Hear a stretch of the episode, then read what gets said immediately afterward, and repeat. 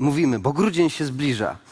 A jak grudzień to adwent. My już dzisiaj zaczynamy, chcemy spojrzeć na te zakulisowe sytuacje, co tam się dzieje. Zapraszam Was dzisiaj ze mną do krótkiej podróży w Ewangelię Łukasza. Przede wszystkim pierwsze dwa rozdziały, tam spędzimy chwilę. I to wszystko, co dzisiaj zrobimy, to tak naprawdę mam tutaj lustro nie bez przyczyny, ponieważ zobaczymy dzisiaj cztery osoby, cztery postacie, w których życiu i historii można się przejrzeć. W liście Jakuba jest takie słowo, on mówi, że ludzie, którzy są słuchaczami Bożego Słowa, e, są jak ci, którzy przeglądają się w lustrze. Przeglądasz się w lustrze, e, ale chwilę później odchodzisz i zapominasz, jak wyglądałeś. Wykonawca jest ten, który stosuje, wprowadza jakąś zmianę. Więc dzisiejsze kazanie zatytułowałem ciekawie, najdłuższy tytuł chyba, jaki miałem do tej pory. Jest to historia ludzi napisana przez Boga. Jest się, historia ludzi napisana przez Boga. Dla człowieka wierzącego, tak jak chłopaki oddają życie Jezusowi, co to znaczy? Że ja chcę, żeby Bóg kierował moim życiem. Bartek to mówił w swoim świadectwie. Ja chcę, aby Bóg pisał swoją historię w moim życiu czytamy Biblię i czytamy o ludziach, w których życiu Bóg pisze swoją historię. Dla człowieka wierzącego to nie jest historia Boga napisana przez ludzi, tylko historia ludzi napisana przez Boga. I to, co my jako ludzie wierzący dzisiaj chcemy robić, to szukać i modlić się i wzrastać w wierze, aby Bóg pisał swoją historię przez nasze życie.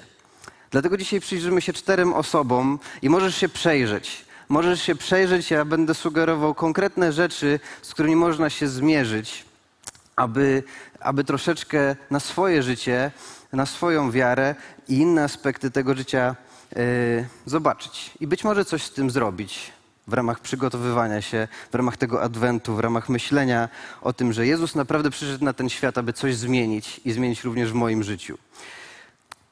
Ale teraz zapraszam Was na krótki filmik. Tylko wiadomo, no wiara to jest jakaś łaska, ale jeżeli się otworzysz, powiesz pod krzyżem, czy sam w domu, gdziekolwiek, czy w samochodzie, po prostu to ja ze swojego doświadczenia powiem jedno. Nigdy się nie zawiodłem na, na Jezusie Chrystusie, na wielu kolegach, na wielu y, sytuacjach. Y, nie zawiodłem się. Możesz spróbować. Widzi, Muniek Staszyk. Kto kojarzy? Uwaga, kto nie kojarzy? Młodzież, e, fantastycznie. T-Love, sprawdźcie, wygooglujcie, na Spotify'u jest. Generalnie w naszym kraju znana postać, yy, znany muzyk, autor wielu ciekawych tekstów, ciekawych piosenek. To jest fragment wywiadu. Ja go wziąłem, ponieważ za zainteresowało mnie to, że tak, tak konkretnie się wypowiada. I wydaje mi się, że stawia bardzo konkretną tezę. On mówi... Yy, ten sens jej wypowiedzi jest, jego wypowiedzi był taki. Ja się na Jezusie Chrystusie nigdy nie zawiodłem. Na wielu ludziach, na wielu sytuacjach w domyśle tak. Ludzie zawodzą, ale Bóg mnie nie zawodzi. I to jest teza, z którą można się zmierzyć, można podyskutować, czy tak jest. Może być, nie, ja się zawodzę na ludziach cały czas i Zachariasz, czyli osoba, na którą pierwszą spojrzymy, myślę, że nie zgodzi się, nie zgodzi się z Muńkiem Staszczykiem, ponieważ on myślę, że przewodzi pewien zawód nad tym, jaki Bóg jest. Także wejdźmy w tą historię. Czytamy od szóstego y, wersetu pierwszego rozdziału. Jest opis Zachariasza. Zachariasz należał on do zmiany kapłańskiej. Abiasza, jego żona Elżbieta, pochodziła z rodu Arona. Oboje byli sprawiedliwi wobec Boga. Postępowali nienagannie, według wszystkich przykazań i ustaw Pana. Nie mieli jednak dziecka, ponieważ Elżbieta była bezpłodna, a oboje byli już w starszym wieku. A więc jest to człowiek wierzący, jest to kapłan, czy jest to Żyd, który służy Bogu w świątyni, e, jest jednocześnie mężem Elżbiety, ale nie mają dzieci. Jest to ten temat w ich życiu, który gdzieś leży nie w tym miejscu, w którym by sobie wymarzyli. Czytamy, że są już w starszym wieku, więc nie minęła już dekada 20-30. To okno, na którym niby fajnie mieć dzieci, ale z której strony jest tyle rzeczy do zrobienia. Minęła już dekada 30-40, e, czyli taki rozsądny może etap. 40-50, to już dla niektórych niespodzianki się trafiają. Oni są jeszcze dalej. Oni są prawdopodobnie 50, 60, 60, 70, gdzieś w tym, gdzieś w tym przedziale czasowym. Już przestali o tym myśleć. Ten, ten aspekt ich życia, aspekt życia Zachariasza po prostu gdzieś się już zamknął. I teraz ciekawe jest to, co za chwilę będziemy czytać, bo przenosimy się y, chwilę dalej. Zachariasz jest w świątyni i będzie miał niesamowite spotkanie z aniołem. Czytamy werset 13. Anioł natomiast przemówił. On jest w świątyni, jest sam, ma coś zrobić i pojawia się ta postać. On się boi, więc przemawia. Przestań się bać. Zachariaszu, Twoja modlitwa została wysłuchana. Twoja żona Elżbieta urodzi Ci syna i nadasz mu imię Jan. I teraz w przypadku przeglądania się historii Zachariasza, niektórzy z nas są w tym miejscu, albo że będą w tym miejscu. Agnieszka, jak zaczynała dzisiaj czas uwielbienia, wspominała o tym. Czasami jesteśmy w miejscu, w którym coś się dzieje nie tak, jakbyśmy chcieli, i zaczyna się coś dziać w obszarze naszej wiary, naszego zrozumienia tego, jaki Bóg jest, jaki Bóg nie jest, dlaczego nie zachowuje się tak, jakbyśmy chcieli.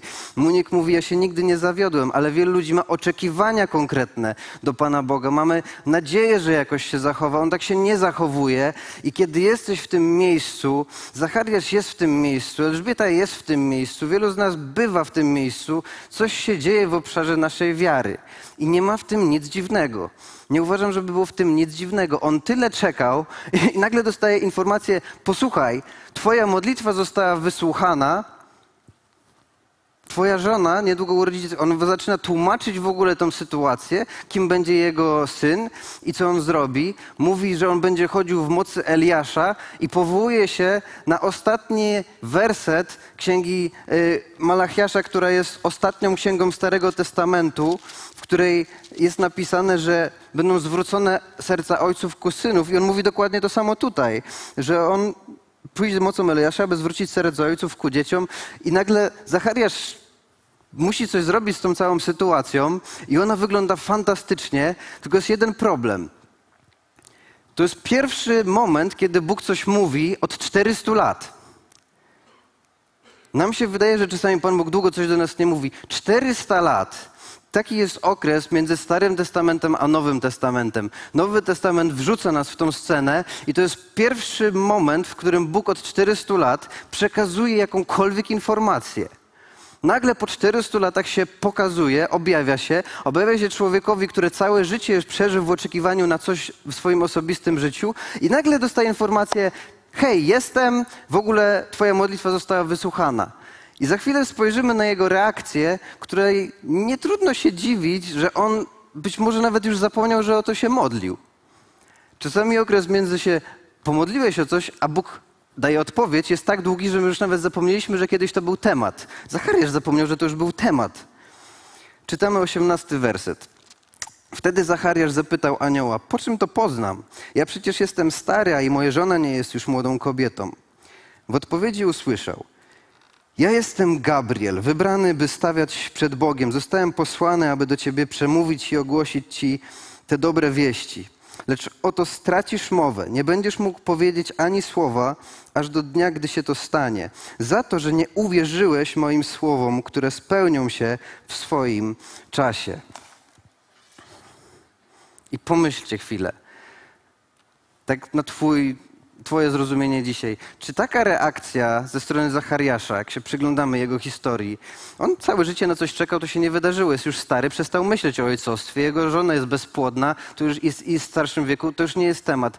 Nagle dostaje informację, jestem, Zachariaszu, twoja modlitwa została wysłuchana, więc rozmawia z aniołem w świątyni. Ja nie miałem takiej okazji, ale wygląda to na dość ponadnaturalne i cudowne wydarzenie, zwłaszcza, że jesteś po 400 latach, kiedy nic takiego się nie działo.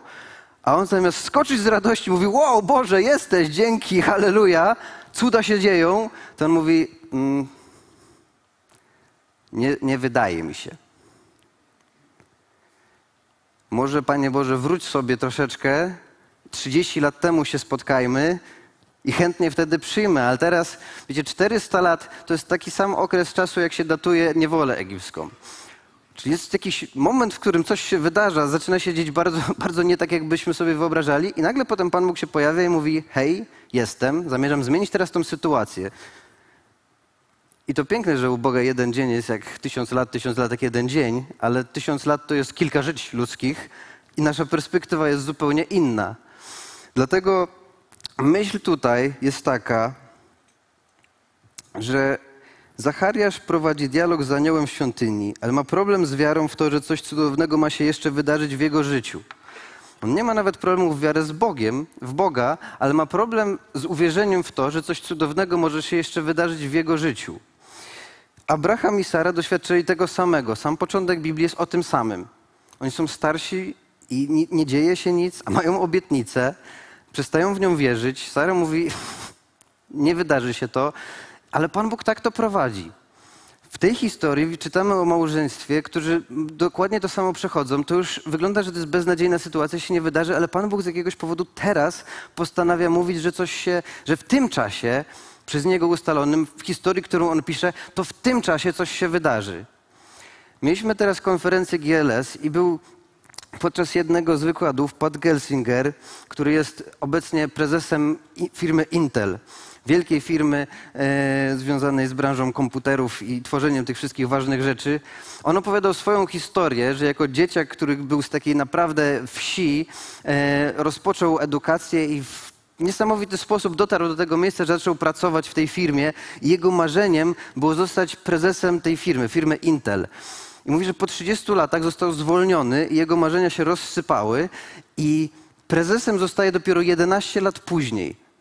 I on powiedział, że przez 11 lat Pan Bóg musiał zabić jego marzenie, niszczyć jego charakter, aby go postawić z powrotem w miejscu, w którym y, od początku chciał być, w którym miał marzenie, aby być.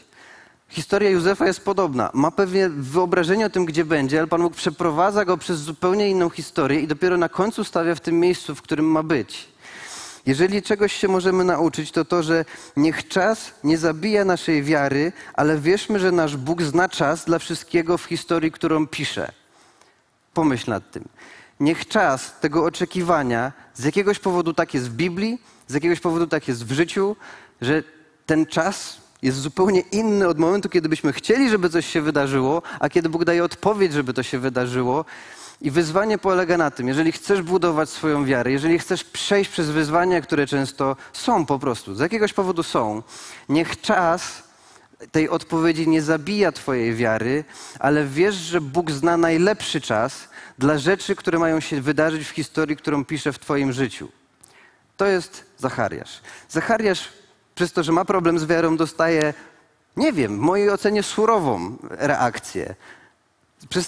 Dostaje informację, będziesz miał syna, super. Mówi, trochę to nie wierzę w to, żeby to się coś dobrego mogło wydarzyć. Mówi, okej, okay, to nie będziesz już mówił przez te 9 miesięcy. Być może jednym ze sposobów Boga, żeby dawać nam wzrost wiary, jest nie to, żeby nam coś dać, ale żeby nam coś zabrać. Coś w tej stronie komunikacji ma tutaj jest ciekawego. Bóg przez 400 lat nie mówi, potem coś mówi, ale reakcja mu się nie podoba, więc mówi, to teraz ty nie będziesz mówił. A to, co powiedziałem, że się wydarzy, i tak się wydarzy. Następna postać, Elżbieta. O Elżbiecie tak dużo nie czytamy, tak naprawdę są dwa wersety, nie wiemy o niej zbyt wiele, ale przyglądając się Zachariaszowi myślimy, gdzie jest moja wiara w tym momencie? Czy ja czekając, aż Pan Bóg napisze to, co ja bym chciał, co sobie marzę, żeby się wydarzyło w moim życiu, nie stracę wiary, że cokolwiek dobrego może się jeszcze wydarzyć? Elżbieta ma zupełnie inną postawę i jej postawa będzie pokazywała wdzięczność. Czytamy dwa wersety, 24 i 25. Wkrótce jego żona Elżbieta zaszła w ciążę i przez pięć miesięcy pozostawała w ukryciu. Wówczas często powtarzała sobie: Oto co Pan zrobił dla mnie w tych dniach, gdy okazał mi łaskę i przywrócił szacunek u ludzi. Ona jest starszą kobietą, która mogła tak jak Zachariasz mieć już różny moment swojej wiary. Nie opisuje tego tutaj nam e, autor Ewangelii, ale opisuje, że ona w tym czasie, kiedy dostaje od Boga odpowiedź na to, co czekała, jej reakcja jest taka: Jestem wdzięczna za to, co Bóg w moim życiu zrobił. Jeżeli to jest nie w tym momencie, kiedy chciałam, czasami możemy tak długo na coś czekać, że później ktoś nam coś, coś da, to mówię, a teraz to już nie chcę. Panie Boże, teraz to ja już dziękuję bardzo. A ona nie ma takiej postawy. Nie ma takiej postawy, chociaż to się wydarza w Bożym czasie, ona dalej przyjmuje to z wdzięcznością. Ona przyjmuje to, co Pan Bóg robi w tym miejscu, w którym robi, z wdzięcznością. Gdzie jesteś, jeżeli chodzi o przyjmowanie tego, co Pan Bóg ma dla ciebie? Czy jesteś w stanie zachować wdzięczność, nawet jeżeli to się nie wydarzy tak, jak byś chciał, w tym miejscu, w którym byś chciał, w taki sposób, przez takich ludzi? Czy dalej będzie wdzięczność, jeżeli Boża odpowiedź będzie uwzględniała inną drogę, inny czas? Elżbieta z jakiegoś powodu ma to w sobie. I my też możemy postawę taką sobie pielęgnować albo zabijać. Następna postać, postać trzecia, to jest Maria. I tutaj jest pytanie o gotowość. Każdego z nas, jeżeli chcesz, aby Pan Bóg pisał swoje historie przez Twoje życie, jeżeli chcesz, aby Pan Bóg działał w Twoim życiu, to jest pytanie o gotowość do zrobienia tego, do czego akurat Ciebie w danym miejscu, w danym czasie powołuje. Marię spotykamy w wersecie 28. Tutaj sobie zaczniemy czytać. Posłuchajcie, przeczytam tą całą historię. Kolejny raz anioł się pojawia. Po przybyciu anioł powiedział: Witaj, obdarzona łaską. Pan z tobą, szczęśliwa jesteś między kobietami. Lecz ona przelękła się tych słów i zaczęła się zastanawiać, co by to przywitanie mogło znaczyć. Anioł zaś powiedział jej: Przestań się bać, Mario. Znalazłaś łaskę u Boga. Oto zajdziesz w ciążę, urodzisz syna i nadasz mu imię Jezus. Będzie on kimś wielkim, nazwą go synem Najwyższego. Pan, Bóg, da mu też tron, jego ojca Dawida. Będzie on królował nad domem Jakuba na wieki, a jego królestwu nie będzie końca.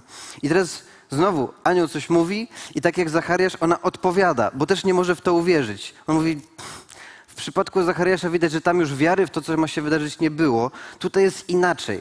Maria ma wiarę, ona nie ma wątpliwości, ale zadaje konkretne pytanie. Zapytała anioła, jak to się stanie, skoro nie współżyłam jeszcze z mężem? Po prostu ona wierzy, że to się stanie, nie ma z tym problemu, ale wykracza to poza jej w ogóle pojmowanie tego, że coś może się w taki sposób, a nie inny wydarzyć. Więc ona po prostu z ciekawości pyta. I anioł jej odpowiedział: Duch Święty stąpi na ciebie i moc Najwyższego okryje cię swym cieniem. Dlatego też święte dziecko, które się urodzi, będzie nazwane synem Boga. Również twoja krewna Elżbieta poczęła syna w swoim podeszłym wieku. Ta, którą uważano za niepłodną, jest już w szóstym miesiącu. Żadne słowo Boga nie pozostanie bowiem, bowiem bez spełnienia. Maria odpowiedziała: Oto jestem gotowa służyć Panu. Niech mi się stanie według Twojego słowa. I anioł odszedł od niej. Czytając o Marii, czytamy o gotowości. Anioł po raz kolejny coś mówi i po raz kolejny na końcu podkreśla, że to, co Bóg zapowiedział, że się wydarzy, to, jaką historię on chce pisać, to się wydarzy. Pytanie o to, czy jesteś gotowy być jej częścią. Ona mówi: Oto jestem. Oto jestem gotowa służyć Panu. Niech mi się stanie według Twojego słowa. Ty rządzisz. Bycie poddanym pod Bożą wolę, pod Jego panowanie, uznanie, że On jest suwerenny tak, jak On chce działać i otwartość działaj przeze mnie, oto jestem, to jest postawa, która wcale nie jest taka łatwa. Wcale nie jest taka łatwa. Dlaczego? Za chwileczkę spojrzymy na spotkanie tych dwóch kobiet, Elżbiety i Marii ponieważ Ewangelia tak prowadzi tą historię. Ale pytanie, które tutaj warto sobie zadać, jest takie: co różni obie te historie? Ponieważ kolejny punkt to jest po prostu spotkanie Maria i Elżbieta. Jedna z rzeczy, która tutaj się dzieje, jest taka: obie doświadczają czegoś absolutnie niespotykanego ani w tych czasach, ani w tamtych mają objawienie Bożej woli dla ich życia, że oto wchodzą w jakieś powołanie. Obie doświadczają cudu. Jedna jest niepłodna, jest w starszym wieku i to jest cud, że ona zachodzi w tą ciążę. Druga zachodzi w cudowny sposób w ciążę, bo Duch Święty to sprawia. Jezus jest synem Boga i prowadzi to Bóg ponadnaturalny sposób. I czytamy, że te dwie kobiety się spotkają. W 39 i 40 wersji jest napisane tak. W tych dniach Maria wybrała się w drogę i pospiesznie udała się w górskie strony, do pewnego miasta w Judei. Tam weszła do domu Zachariasza i przywitała Elżbietę. Później jest opis tego spotkania i w 56 wersecie czytamy. Maria i Maria pozostała u Elżbiety około trzech miesięcy, po czym wróciła do swojego domu. Teraz zwróćcie uwagę na gdzie te czasy się rozkładają. Kiedy Bóg pisze swoje historie. W życiu pierwszej kobiety pisze swoją historię, coś się zaczyna. Oczywiście to powołanie jest, jest ponadnaturalne i będzie kiedyś wypełnienie tego. Dziewięć miesięcy, tyle wiemy, że to trwa. Y, Maria, kiedy sp- spotyka się z aniołem, on jej objawia, że w tym momencie, kiedy rozmawiają, Elżbieta jest już w szóstym miesiącu ciąży. To jest pół roku później między tymi dwoma spotkaniami. Bóg pisze swoją historię i bierze pod uwagę różne rzeczy. Historia Marii będzie jedną z trudniejszych, ponieważ nikt tak naprawdę nie będzie wierzył w jej świadectwo. Będziemy, ostatnią osobą, którą będziemy analizować jest Józef, ale zwróćcie uwagę, te dwie kobiety są w ciąży. Maria i Elżbieta różnią się wiekiem znacznie. Elżbieta jest osobą w wieku już podeszłym, to znaczy, że ona praktycznie nie powinna mieć już tego dziecka. Jest osobą starszą, doświadczoną i w którym miejscu jest ciąży? Trzeci trymestr. Jaki, co się wtedy dzieje? Kobieta, zwłaszcza starsza, ma już coraz mniej sił, ma coraz bardziej odczuwa to zmęczenie. Brzuch jest wyraźny i potrzebuje również wsparcia i pomocy. Y, Gdzie jest, y, gdzie jest w tym miejscu Maria? Różnie się datuje, różnie się tłumaczy wiek Marii w tym momencie, ale nikt nie zakłada nawet, że jest starsza niż 18 lat, a większość ludzi twierdzi, że to jest gdzieś w okolicy 15-16 roku życia. Więc To są dwie historie kobiet, które w kontekście tamtej kultury przeżywają w tej chwili e, coś, e, co sprawia, że są postawione w zupełnie innym miejscu w oczach również innych ludzi. Elżbieta przez to, że zachodzi w ciążę, ona zyskuje w oczach innych ludzi. To, co Bóg robi w jej życiu, nagle ją nobilituje, bo ona całe życie zmagała się z tym, była w tej gorszej klasie, zmagała się z tym, że nie może mieć dzieci e, i ona dlatego jest taka wdzięczna Bogu, że chociaż to się wydarzyło teraz, On okazał mi łaskę, przywrócił mi coś w życiu w oczach innych ludzi. Maria z kolei, wchodząc w Boże powołanie, ona traci w, w oczach ludzi. Nawet Józef nie do końca jest, nie, wie, nie będzie wiedział, co ma z tym zrobić. Przychodzi 15-letnia dziewczyna i mówi: No, słuchajcie, Duch Święty sprawił, że jestem w ciąży. Jaki jest. Czy naprawdę myślimy, że wszyscy wtedy, a nie no, super, chwała Bogu. Od 400 lat nic się nie dzieje, jakby do nikogo nie mówi, ale nagle do ciebie się spotkał i nie tylko się spotkał, ale jeszcze jesteś w ciąży. Wiara, wiara ludzi prawdopodobnie nie istniała. Prawdopodobnie ludzie ją tylko i wyłącznie osądzali. Możemy się domyślać, ale przez trzy miesiące dw- dwie kobiety zostają połączone. I myśl jest taka, że Pan Bóg, kiedy pisze swoją historię, On łączy nas w taki sposób, jaki jest nam potrzebny. Elżbieta być może jest jedyną osobą w tej chwili na całej ziemi, która może zrozumieć, przez co przechodzi Maria, bo przed chwilą doświadczyła takiego samego spotkania i cudu. Ona wie, że Bóg coś robi, że coś się zaczyna dziać. Ona ma objawienie. Jej, nawet w jej brzuchu coś się dzieje, kiedy się spotykają. Czytamy o tym. Maria z kolei jest jedyną osobą, która może również zrozumieć w pełni, przez co przychodzi Elżbieta. One się rozumieją na poziomie powołania i tego, co Bóg robi w ich życiu, w sposób, którego nikt inny nie będzie w stanie zrozumieć. W Twoim życiu będzie tak samo. Pan Bóg będzie robił coś w Twoim życiu i, które, i nikt nie będzie w stanie zrozumieć Twojego doświadczenia, tego, co się wydarzyło albo się nie wydarzyło. Dlaczego w tej chwili przechodzisz przez to, przez co przechodzisz, ale łączy Cię z kimś, kto ma podobne doświadczenia i chociaż ja czy inni nie będą w stanie nawet pojąć, co się dzieje w Twoim życiu, ci ludzie będą w stanie. Na ten okres Bóg połączy i sprawi, że to powołanie, ta historia będzie, będzie po prostu dla Ciebie również lżejsza, bo łączy Cię we właściwy sposób. A więc te kobiety się wzajemnie wspierają. Trzy miesiące są razem. I myśl jest taka, że kiedy Bóg pisze swoją historię przez nasze życie, to łączy nas z innymi w taki sposób, jakiego potrzebujemy. I ostatnia postać to Józef. I tutaj musimy się wylogować z Ewangelii Łukasza. Z jakiegoś powodu za dużo się tutaj z tą postacią nie dzieje. Musimy wejść w Ewangelię Mateusza. I posłuchajcie, od 18 wersetu, co tutaj się dzieje. Narodziny Jezusa Chrystusa zostały poprzedzone następującymi wydarzeniami. Jego matka Maria wyszła na, za Józefa, lecz zanim wspólnie zamieszkali, okazało się, że jest ona w ciąży za sprawą Ducha Świętego. Jednak Józef, jej mąż, jako człowiek prawy, nie chciał jej zniesławić, dlatego zamierzał rozwieść się z nią bez rozgłosu. Gdy rozważał taką myśl, taką możliwość, ukazał mu się we śnie anioł Pana i powiedział: Józefie, synu Dawida, nie bój się przyjąć Marii, twojej żony. To, że spodziewa się dziecka, sprawił Duch Święty. Urodzi ona syna i dasz mu na imię Jezus. On bowiem wybawi swój lud z jego grzechów. To wszystko stało się po to, by wypełniła się zapowiedź Pana przekazana za pośrednictwem proroka. Oto pocznie dziewica, urodzi ona syna i nadadzą mu imię Emanuel, co znaczy Bóg z nami. Po obłodzeniu się Józef postanowił zrobić tak, jak mu polecił anioł Pana. Przyjął swoją żonę, nie współżył z nią jednak aż do narodzin syna, któremu dał na imię Jezus. Ostatnia postać, Józef, jest człowiekiem, z którego historii możemy nauczyć się o wsparciu. A tak naprawdę możemy się nauczyć tego, że czasami, kiedy Pan Bóg pisze swoją historię w naszym życiu, to my nie zawsze będziemy grali pierwsze skrzypce. To nie zawsze będzie główna rola. Czasami historia, którą chcę napisać w naszym życiu, sprowadza się do wsparcia czy opieki nad kimś innym, któremu dał inne powołanie.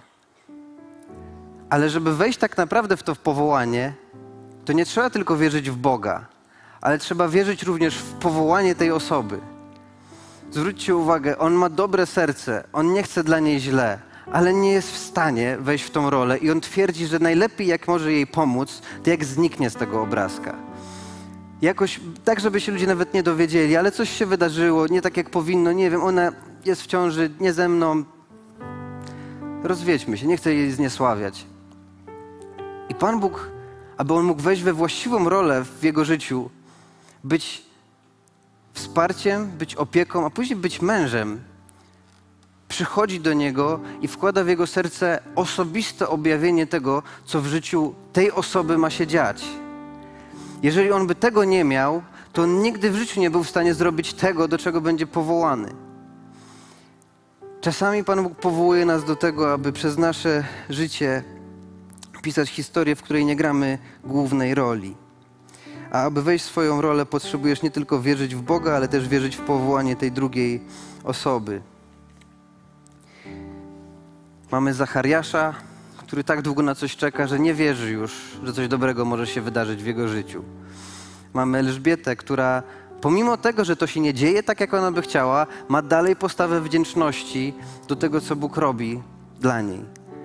Mamy Marię, która chociaż będzie, będą koszty tego powołania, jest gotowa i mówi: oto, oto jestem. Niech się dzieje, niech Bóg robi, co chce przez moje życie. Pytanie, czy jesteśmy w stanie.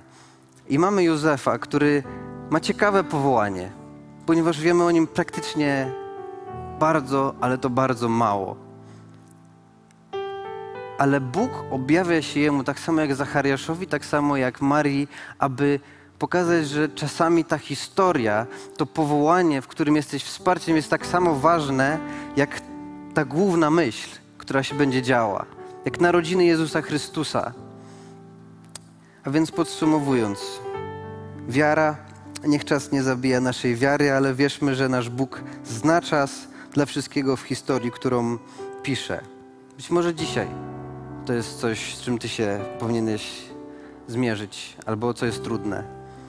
Są różne obszary. Zazwyczaj się mówi finanse, rozwój, zdrowie, relacje. Wdzięczność. Kiedy Bóg pisze swoją historię, będziemy, bądźmy wdzięczni, wiedząc, że On wie lepiej, co i kiedy ma się wydarzyć. Puśćmy. Puśćmy wymyślanie Panu Bogu, jak On ma zadziałać. To Pan Bóg pisze historię ludzi, a nie ludzie piszą historię Boga w ich życiu odwróćmy to i przyjmijmy z wdzięcznością każdą, każdy scenariusz, jaki on chce pisać. Gotowość. Jeśli Bóg chce napisać swoją historię przez Twoje życie, czy jesteś po prostu gotowy Jemu służyć? Czasami w tej historii zyskujesz w oczach ludzi, czasami tracisz. Historia tych dwóch kobiet to pokazuje, ale Bóg pokazuje też, że będzie łączył Ciebie we właściwy Tobie sposób z ludźmi, którzy Ciebie będą rozumieli, będą rozumieli Twoje powołanie i będą nieśli ten sam krzyż, to samo brzemię. I ostatnia rzecz, wsparcie. Historia, którą Bóg pisze przez nasze życie, nie zawsze zakłada, że musimy grać główną rolę. I to jest nam trudno przyjąć. Nie zawsze musimy grać główną rolę. To nie zawsze musimy być my w centrum. Główny bohater może być kimś zupełnie innym, a my musimy tylko właśnie nie tylko, aby wejść w swoją rolę, potrzebujesz nie tylko wierzyć w Boga, ale też wierzyć w powołanie tej drugiej osoby. To też wymaga wiary. Wierzyć w innych, wierzyć w to, co inni robią, wspierać to, co i jak oni to robią. Zrozumieć, że jest historia, która musi się wydarzyć w Twoim życiu, aby coś innego się wydarzyło, bo to będzie dobre, ale musisz się troszeczkę do tego przyłożyć. Być może musisz coś w sobie zmienić, być może musisz się czegoś zaprzeć, aby wejść w jakąś rolę, a może jest to jakaś mała rzecz, aby pomóc się rozwinąć komuś innemu. Kochani, czas się skończył. Wstańmy, chcemy się modlić.